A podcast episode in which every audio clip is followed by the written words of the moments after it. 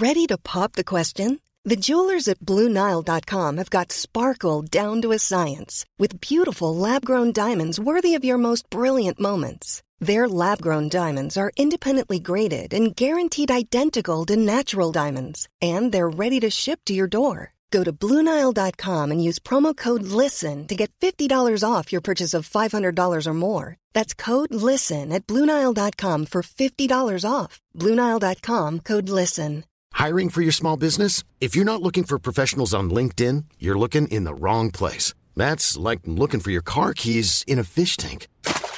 LinkedIn helps you hire professionals you can't find anywhere else, even those who aren't actively searching for a new job but might be open to the perfect role. In a given month, over 70% of LinkedIn users don't even visit other leading job sites. So start looking in the right place. With LinkedIn, you can hire professionals like a professional. Post your free job on linkedin.com slash people today.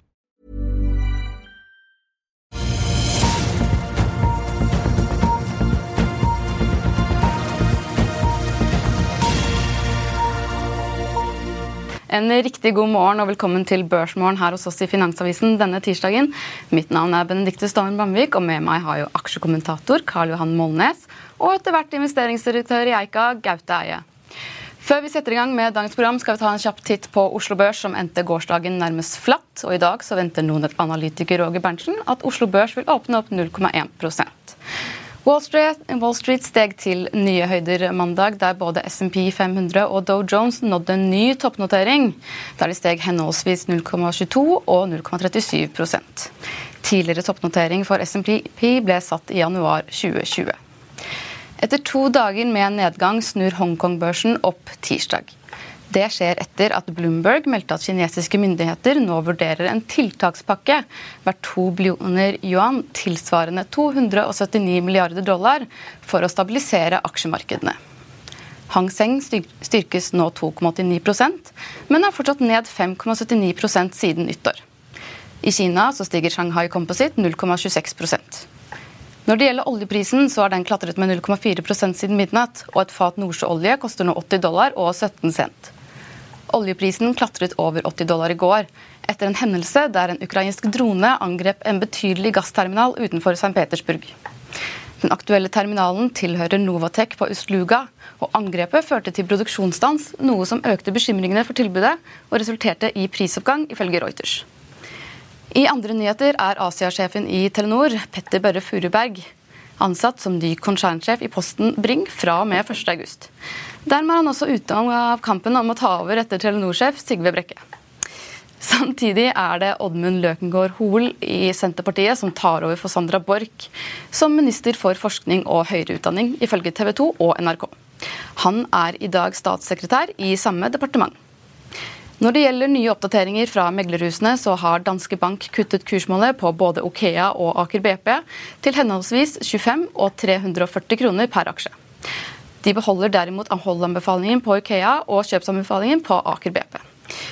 Yes, Karl Johan, Før vi går over til dagens gjest, må vi se litt på Norse. Ja, Norse Atlantic, der har det kommet en pressemelding i dag tidlig om at eh, selskapet søker strategisk partner i USA. Og de har eh, utnevnt en amerikansk eh, investeringsbank for å gjøre dette arbeidet.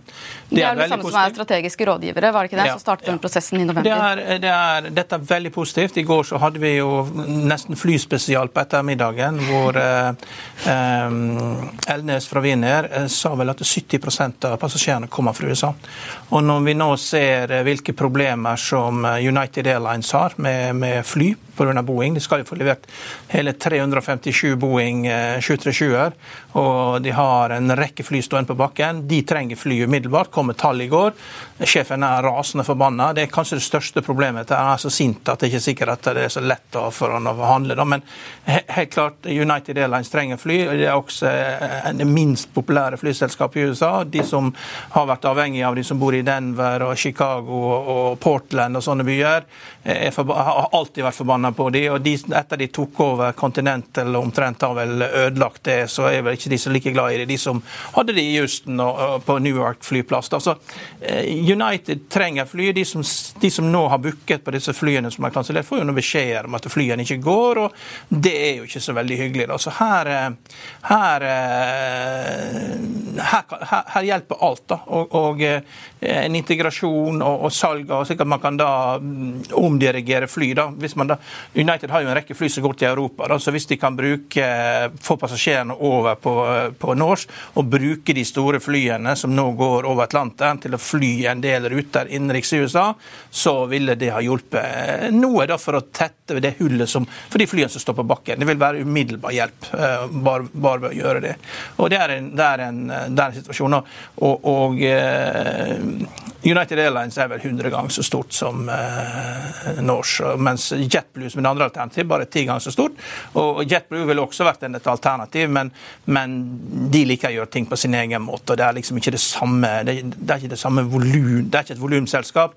Det er et selskap som liker å gjøre ting på sin egen måte, og de har ikke de umiddelbare eh, problemer med å erstatte fly som United har. Og den ubalansen, hvis man da gikk inn for å gjøre en deal, og også den fordelen at SAS går, inn, går, ut av Star Alliance. Det gjør det også enklere da, for samarbeid med Norse for United Airlines. Så eh, jeg tror det finnes en pris og en god deal for Norse med United, men det kan godt hende de vet om bedre dealer. Mm. Men disse strategiske rådgiverne de er jo godt kjent i Norge. De, de har jo både hjulpet Norwegian med denne restruktureringsprosessen og SAS nå i det siste. Ja, men Det viktigste er at det er i USA de kjenner amerikanske lover, slik at de kan finne ut hva, hvordan du setter dette her opp juridisk. Da, og, for Det er jo et problem at hvis du er et amerikansk flyselskap, så må du være eid med mer enn 50 amerikanere.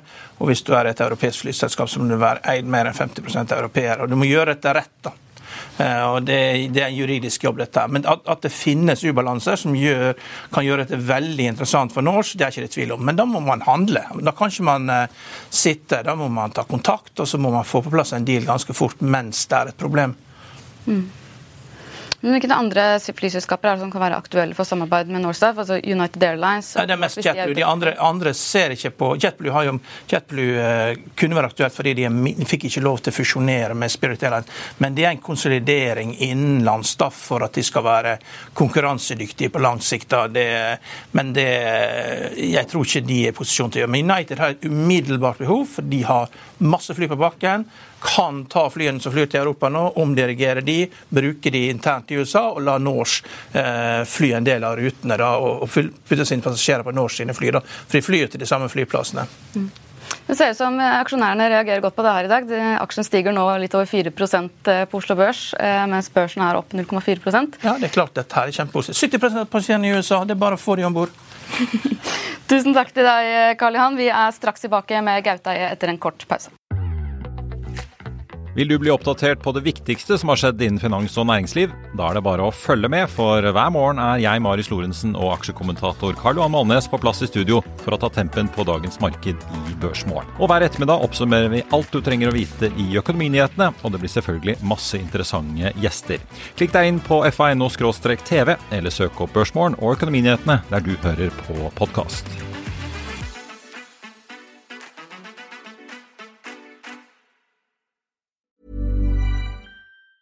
Hey, it's Danny Pellegrino from Everything Iconic. Ready to upgrade your style game without blowing your budget? Check out Quince. They've got all the good stuff shirts and polos, activewear, and fine leather goods, all at 50 to 80% less than other high end brands. And the best part? They're all about safe, ethical, and responsible manufacturing. Get that luxury vibe without the luxury price tag. Hit up quince.com slash upgrade for free shipping and 365 day returns on your next order. That's quince.com slash upgrade. I'll see you in court. Vi sier det ofte litt på spøk, men for deg som driver business, er det aldri moro å innse at du ikke har laget en 100% gyldig kontrakt. Du bør ikke risikere hele firmaet ditt fordi du synes dette med kontrakter er litt stress. En avtale er ikke en avtale. Du kan miste kunder, miste venner, ja, til og med miste inntekter om du ikke lager en skikkelig kontrakt, på alt mulig, egentlig. Men vi vet det er et styr. Kopimaskiner, treg printer og haugevis av papir. Dessuten stoler vi jo på folk her i landet. Det er ofte litt kleint å skulle be om en signatur for alt mulig, ja, for mye av styret handler også om jakten på underskriften. Det finnes en enkel måte å løse dette på, Dukkobit, en trygg, effektiv og get this, gratis måte å sikre seg en god natts søvn pluss en juridisk bindende avtale.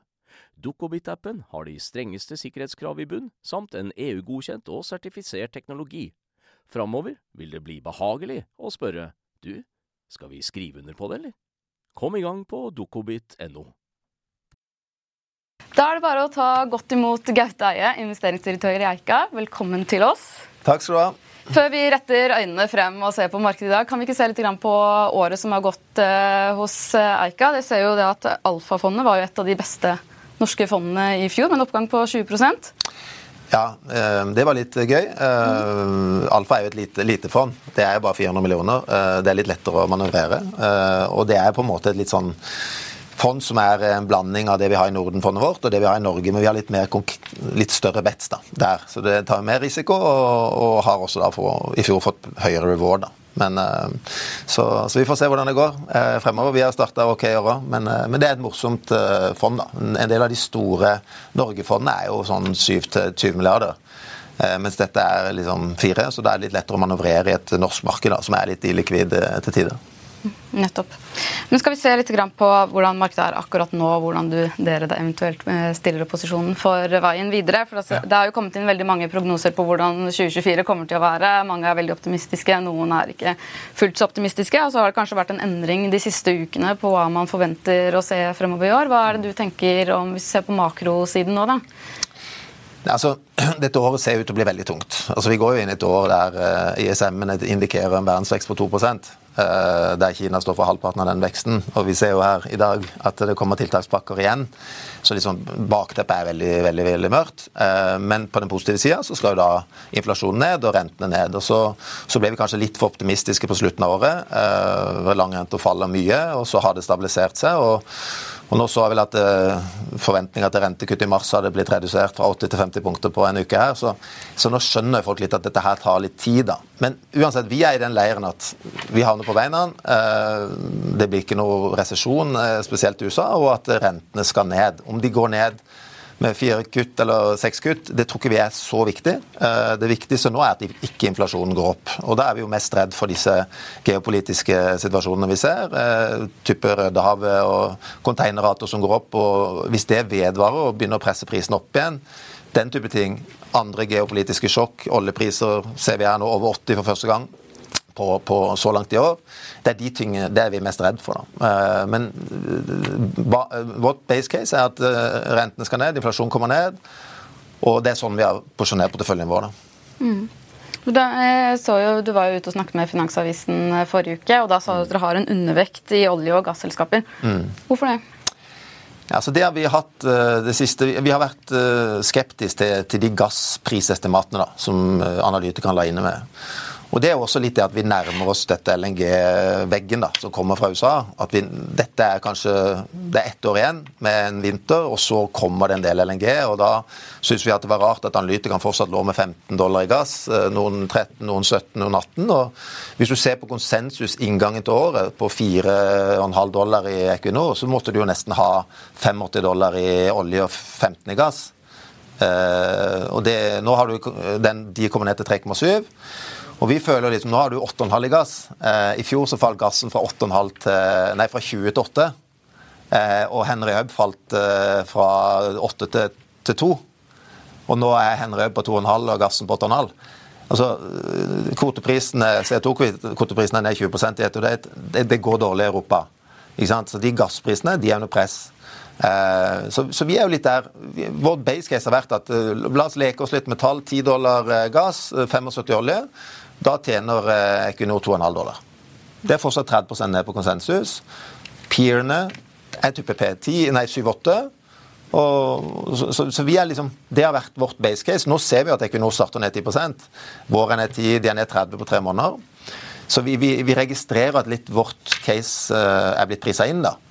Men uh, det vi er mest usikre på selve markedet, oljemarkedet, er jo uh, Kina. De sto for 80 av oil demand-veksten i fjor. 1,8 millioner fat av 2,3. Vi er litt usikre på om ikke det var en litt sånn engangstilfelle. Nå ligger jo estimaten at de skal vokse 700 000 i året. Vi tror liksom kanskje at 23 og 24 delt på to er et mer bedre estimat. Lagrene ble økt, de hadde en ketsjup-effekt på fly, på bil. Eh, og hvis det skjer, da, så skuffer Kina på oil demand i år. Og så kan fort det bli en etterspørselsøkning igjen, sånn som det ble i år. Alle bomma jo på USA-produksjonen. Og vi, litt, vi, tror nok at kanskje de kan bomme en gang til der. da. Så Det er derfor vi er fortsatt negative på, på den sektoren. Um, og da er det jo sånn at uh, vi har valgt Subsea 7 og uh, Axo som våre bets. De liker vi. Vi mener Subsea-sektoren har en ekstrem posisjon. Uh, marginen er opp. Vi ser jo bare på Axo med 22% margin, og Subsea 7 som nærmer seg 20, tror vi. Så Da beholder vi de, og så har vi hatt da undervektig type sånn TGS da, som, som jeg nevnte der, som, som, ikke vi kan skjønne som også nå blir et stålselskap. Hvorfor de skal prises på andre multipler da, enn type Subsea 7, riksselskapene og Axo, som er nesten på 25 estimater, 20% free cash oil. Og Det, det er det vi mener du må ha med den usikkerheten som ligger i oljemarkedet. Og Det er jo en lengre diskusjon nå. ikke sant? Det nye av året er jo at nå Kina tror vi destroyer elbilmarkedet. Det er 250 produsenter der. De subsidieres med 100 000 kroner per bil. Tesla setter ned prisene 8% i kvartalet. Det, det, det, kommer ikke til å bli en bensinbil som kan konkurrere med elbilene om tre-fire-fem år. Og da kommer kanskje det der eh, presset på bensindemandet, eh, globale bensindemandet, som står for en tredjedel av, av total etterspørsel, raskere eh, igjen. Og Hvis vi husker før Ukraina, så var jo dette tema. Det var jo på investordagen i 2021. Equinor kosta 170 kroner så var jo alle I 7-28 så er oljemarkedet over, liksom. For da kommer det jo 70 millioner elbiler. Men så kom Ukraina. Så, så, jeg tuller litt med folk som sier jeg husker du hva Equinor kosta i november i 2021? Eh, 270-80. Nei, den kosta 100 kroner lavere enn det. De tjente 1,5 dollar i 2021. Vi har glemt det nå. Og det er den vi føler litt at nå skal du ha andre sektorer, og du skal ikke nødvendigvis ha olje. Som, hatt, uh, som er den eneste sektoren du egentlig kunne tjene på de siste to årene. nå. Ja, så, så, Equinor og TGS skal ned? Ja, TGS skal opp. Men du er også positiv... Nei, PGS skal ikke opp. TGS, ja. Nei, TGS skal ned. Ja. Eh, men, men, du er positiv til rigg-aksjene? Eh, nei, altså vi, vi, har ikke, nei, vi har ikke noen rigg-aksjer i porteføljen. Det har vi ikke. Men vi er positive til subsea-sektoren. Ja. Fordi at vi føler at uh, subsea-sektoren er den sektoren som har mest uh, de har såpass sterk markedsmakt i sin, i sin, sektor. Det kommer ingen tilbud, og de genererer rundt 20 free cash flow yield. Det er ikke det at vi føler at det er noe sånn kjempeovervekt, men, men, det er den sektoren vi liker best i oil service. Men hvor mye havvind er det som Subsea har i ordreboken, da? Nei, altså, nå, nå, har vi ikke satt så veldig verdi på havvind, for de ligger jo i estimatene. da, ikke sant? Så, så vi tror jo at de kan tjene en, en, en, en, og en halv i, i 2025 med BTA. Og av det så tror jeg kanskje havvind ligger på sånn 200, noe sånn av, det. Så det er ikke mye av den uh, altså EBT-en som kommer fra havvind. Ja. Nei, så når Aasrud gikk ut og sa at TGS PGS kommer til å bli det beste på 30 år, da tror jeg de har glemt regnearket sitt. At de må kanskje gå tilbake igjen og sjekke det. fordi det, det stemmer. Du trenger bare gå til 2014 for å si at det var et fantastisk år. Og det TGS PGS sammen er jo ikke i nærheten av å bli det som TGS var verken i 2014 eller i 2005, 2006 og 2007. Nei, altså, jeg så over. Har, de siste åtte år så har du hatt en free cash flow i TGS på 75 millioner dollar. Og eh, Hvis du da skal prise det eh, som de andre Og nå blir det et, eh, et stålselskap. Så skal du ha historikken, og de skal tjene like mye. Og du skal prise det til fem ganger cashflow. Så er det jo verdt 4 eh, milliarder kroner, og market capen er 14. Eh, og Jeg syns det er litt påfallende at i fjor så starta alle analytikere med late sales estimat i TGS her, den tida her i fjor på 370 millioner dollar. Det ble 240. De bomma med 130 dollar. Nå igjen starter de på 260 millioner. Men det er jo etter rett at du har fått 55 millioner i late sales i Q4. Og normalt så er Q4 35 av late sales i året. Så jeg, altså for meg er det jo minst altså 100 dollar for høyt igjen.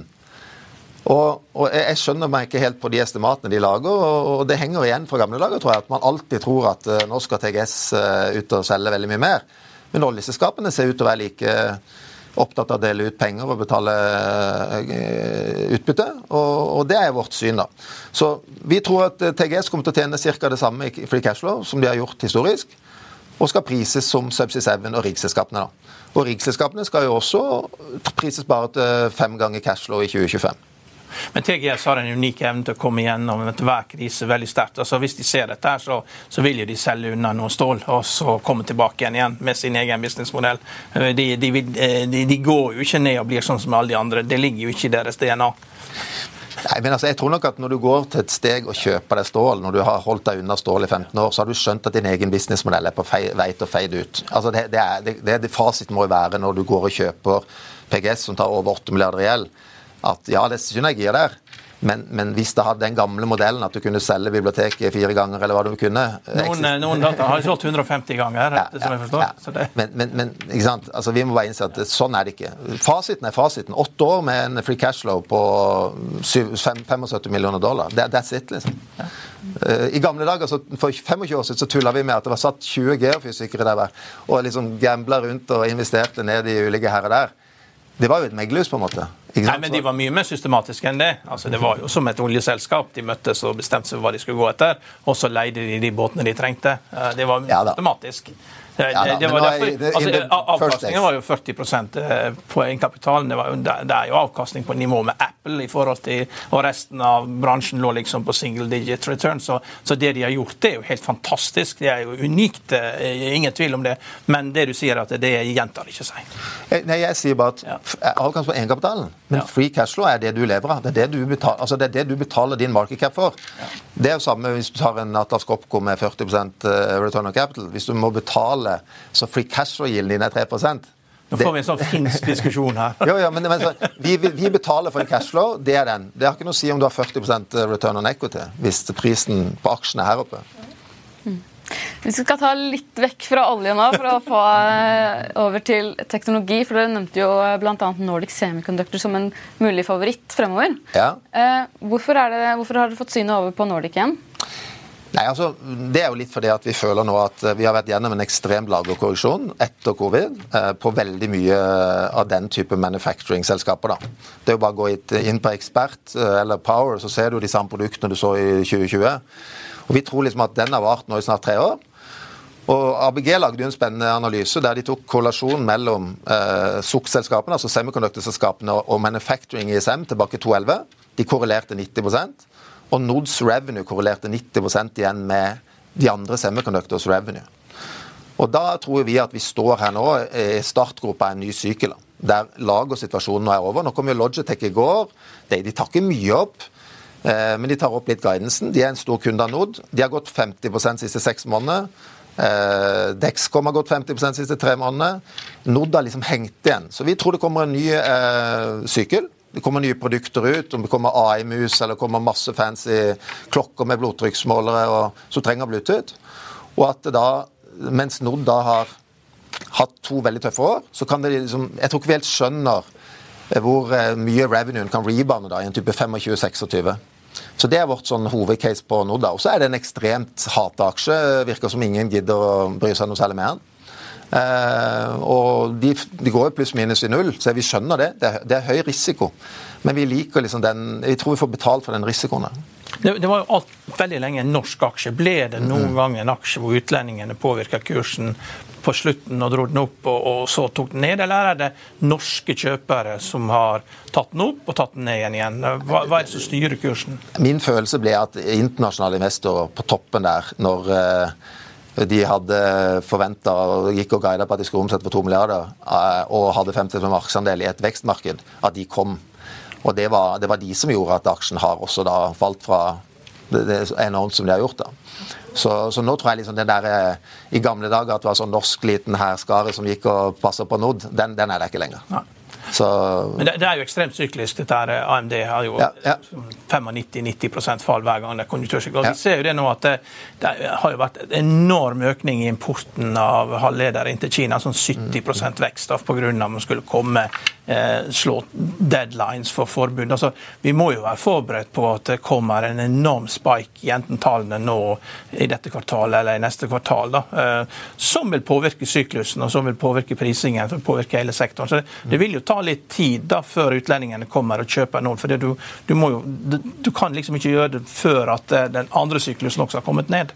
Absolutt ikke. Altså, er, det er jo som sier, Verdensøkonomien er supertung. og det, det, er jo ikke noen, altså, det er jo ikke noen nye produkter her og nå. Men det er mer at hvis du ser på Nodda, som har uh, omsetter for 110-15 uh, i kvartalet nå, så konsumdelen der er 70 mill. av det. Og Der er jo mye av de store kundene. Det er jo Apple og Logitech og, Garmin og en del av de. Og de har stabilisert seg, da. Så jeg tror liksom at de andre kundene, small cap-kundene, de er ned over 70-80 Så det er jo de som har kommet tilbake igjen. Og det er jo i en del andre sektorer òg. At mm, markedet har nesten falt helt ut av bunnen. Og så om vi kan bygge opp igjen, da. Det må komme nye produkter. ikke sant? Eh, nå sitter jo selvfølgelig de som lager produkter og sier det er ikke noe vits å launche de så lenge markedet ikke er der, for markedet er jo ekstremt svakt. Så jeg tror liksom alt må bare treffe litt. Og det gjelder jo alle disse semiconductor-selskapene. Uh, og det er jo, Om det da er for tidlig, ja det, det kan det selvfølgelig være. Men jeg tror liksom estimaten nå har kommet så langt ned at nå er det liksom forventa nesten nullvekst i 2024 og 25% vekst i 2025.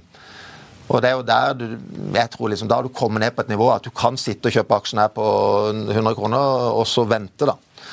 Og du finner jo aldri bunnen helt i sånne aksjer som som har falt så mye. Det gjør du ikke.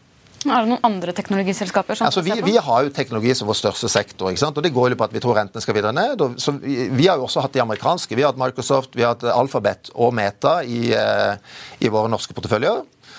Og så har vi hatt Schibsted og Athea. Så liksom, det, det, det, er den basketen vi har da, med Norge. for Vi syns liksom alle de har sine cyclicalities, og så har de selvfølgelig hatt flaks da med at vi har hatt AI-bølgen på en del av de amerikanske. Eh, men alle disse har en slags sånn hvis det kommer en ny sykkel så det er jo, Alle de her er jo sykliske. ikke sant? Og Vi tror det kommer økt fokus på, på, på IT igjen, og at uh, nye produkter ute, og at uh, den AI-bølgen også er med på liksom, å, å, dra revenue opp her da, i, i neste sykkel. Så, og Schibsted er jo et kjempespennende selskap. Nå er de heldige liksom, i fjor da, at de fikk av det vintersituasjonen, men det er jo en syklikalitet i Schibsted også, og vi tror jo at til slutt så, så blir den også solgt. da så lenge stiftelsen nå får eh, newsmedia, og vi minoritetsaksjonærene selger den til de, så kan ikke de nekte oss når eh, Blackstone eller en eller annen private equity kommer og byr 20 ganger EBTA for Schibsted. Det tror vi skjer innen et par år. Altså. Kanskje Adevinta kommer og byr på de? Ja, men hvorfor ikke? Altså, Adevinta har klart å sette opp prisene med 12% i år, og Schibsted har klart 5 når du får en helt ny ledelse og ser monopolsituasjonen din, så kan du begynne å gjøre samme som Adevinta gjorde. Ja, men Schibsted har hjulpet Adevinta, og, ja, ja. og plutselig Adevinta skal klare seg sjøl og så komme tilbake. Så, ja, vi må jo ha alle de flinke folkene fra Norge og Sverige, så vi må kjøpe de. Men, men, men det er rart at ikke folk fokuserer mer på dette. For, for, for min del er det der Altså, jeg tror folk sitter igjen og tror at stiftelsen kommer til, å blokkere det. Det kan de, men jeg ser ikke noen grunn til at de skal det, så lenge de har fått seg newsmedia. Men i de siste to årene så har jo folk ikke nærmest uh, turt å ta i disse vekstselskapene, eller de som Nei. da setter inntektene frem i tid. Mm. Tror du at det kan være mulighet for at det kan få et lite comeback på slutten av 2024? For det har jo vært mye spådommer om det også, at, når, at risikoviljen kan øke litt utover året hos investorene? Altså, vi, vi, tror jo det, absolutt. Og det går jo det, det går litt i sykler. ikke sant? Som vi sier, Olje var det eneste du skulle eie i 2022. Warren Buffett kjøpte olje liksom, Da var jo teknologiaksjer ned 35 fram til oktober.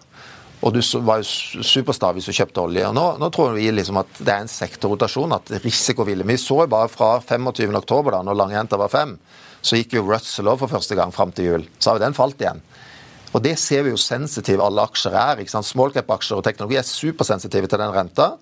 Og vi tror jo igjen, da, når renta skal videre ned, så kommer fokus igjen på teknologi. Og vi tror også at den type grønne aksjer Ikke at vi liker de noe godt, men de grønne som vi kan regne på, da, som f.eks. Tomra eller eh, Ørsted, de kommer til å få økt fokus gjennom 2024 og 2025 når renta kommer ned og risikoviljen går opp igjen. Det tror vi. da. Mm. Dette er jo også selskaper som har vært veldig mye i fokus både hos NHO og de siste konferansene i starten av året. Mm, mm, mm. Med fornybart og grønn mm. omstilling, at det må tas et lite tak på det nå, nå som vi nærmer oss 2030. Mm. Så det kan vel kanskje ha en liten eh, løftende effekt, det òg?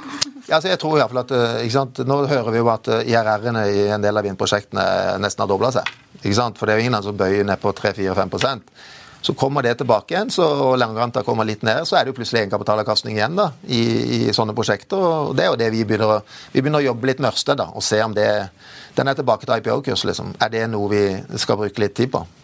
Men, men det er jo en jobb som må gjøres der. da. Ikke sant. Hadde du noe mer lurt på der, Karl Johan? Nei, Vi vil snakke med Archer, om Archer Daniel Midland etterpå. Eh, altså, vi får tatt litt om det. Det skal vi gjøre, vet du. Tusen takk for at du kom, Gaute Eie, investeringsdirektør i Eika. Da Karl Johan, skal du få lov til å ta ordet der. Ja, det er uh, Archer Daniel Midland. Det er et av tre store matvareselskaper. Det er Bungie, og så er det private Cargill. Og eh, I går så falt aksjen med 24% Det er eh, regnskapsjuks. Uh, Ehm, CFO har blitt satt av. Eh, når man ser på tallene, så ser jo marginene ser veldig stabile ut da, i forhold til at omsetningen nå har begynt å falle. Og eh, du ser på aksjechartet, da, så ser det ut som du ser Batman der. Og Med en gang du ser Batman i et chart, da må du løpe. Det, det slår aldri feil. Det er bare å gå og kikke på chartet. Det, dette er et uh, selskap som var nesten 50 milliarder dollar i markedsverdi, har nå halvert seg. Dette går i kjernen av de, den uroen vi har hatt rundt matvarer. og nå må vi finne ut hva som har gått feil. Hva er det som har blitt manipulert? Hva er det som er feil? Hva er regnskapsjukset? Men det er alvorlig. Altså CFO går på dagen. Eh, så et eller annet er helt feil, og dette er et av de tre store matvareselskapene eh, i verden. Har du noen hypoteser da? Hvor det kan ha gått feil? Jeg vet ikke. Det er... Eh, det, når marginene er veldig stabile på alle nivåer, når omsetningen faller, så er jo, da er det, da er det noe som ikke stemmer. Så det er jo eh, det, det, så, det, ser for godt ut til å være sant, det som ligger der. da. Og, og eh, ja, det, kan, eh, det er mistenkelig da at marginen ikke steg når salget gikk opp, men det er også like mistenkelig at de skal ligge i ro når marginen, når salget faller. Så jeg vet ikke. Det kommer nok frem en dag. Yes, er du, altså Når er det du tror man kommer til å få svar på det? Det, Nei, det kommer til å ta lang tid Det kommer til å ta lang tid for å finne ut hva som har skjedd, for det er komplisert. og Det er ikke sikkert vi får vite sannheten heller. Men eh, det er ganske alvorlig når noe, noe, sånt skjer. Og Selvsagt så har det vært ganske stor opsjonsaktivitet. Eh, eh, folk som handler i puttopsjoner, som har vært innsider her nå. Eh, ligger, alt sånne ting ligger ute på Twitter. Så, så eh, jeg tror SSC kommer til å dra og besøke noen, så det her kommer til å bli en del av arrestasjoner på innsiden innsidene på den store gevinsten på salg av puttopsjoner. Dette, dette er et stort, viktig selskap. Men Det må jo ha vært mulig å se dette her på sammenlignbare selskaper? hvis du ser på... Nei, ikke egentlig, fordi at uh, det mest naturlige å sammenligne med Cargill er privat, tror jeg. Så det, ja. da er det litt vanskelig å sammenligne. Og så er det også sånn at når uh, Det er jo sensitivt det med matvarer. da, liksom, Hvis du kan beholde marginene, så ser jo det veldig bra ut. da, uh, Når omsetningen stiger, for da er du ikke grådig, liksom. Men det er også rart at det var tilfellet. Veldig små marginøkning gjennom pandemien, egentlig. Men det er et eller annet som ikke stemmer. Og, og når, når, når, CFO må gå på dagen, så, ha, så er det noen som har funnet ut at det er noe galt. Og 24 ned i går, 40% ned fra toppen på starten av året. Så liksom der, det, dette er alvorlig. Ja. Varsellampene lyser ganske kraftig der borte, altså. Ja. Nettopp. Da tenker jeg at vi bare, Før vi runder av dagens sending, her, så vil vi bare minne litt om dagens utgave av Finansavisen. Der du kan lese om Kjell Inge Røkke, som handlet Solstad-aksjer for 400 millioner kroner før jul. 50% over børskurs. Det aksjemarkedet ikke visste på den tiden, var at Røkke skal ha sittet på informasjon om at Solstad hadde fått en gave verdt 1,6 milliarder kroner. Du kan også lese om Vidar Lyngvær, analytiker i Danske Bank, som frykter oljepriskollaps. Han tror at full krangel og produksjonskrig i OPEC kan sende oljeprisen ned til 50 dollar fatet. Mer om dette og mye mye mer kan du lese på fa.no, der du også vil få siste nytt fortløpende gjennom hele dagen. Husk å få med dere økonominyhetene i ettermiddag 14.30, eller så får dere ha en riktig god dag videre. Takk for nå.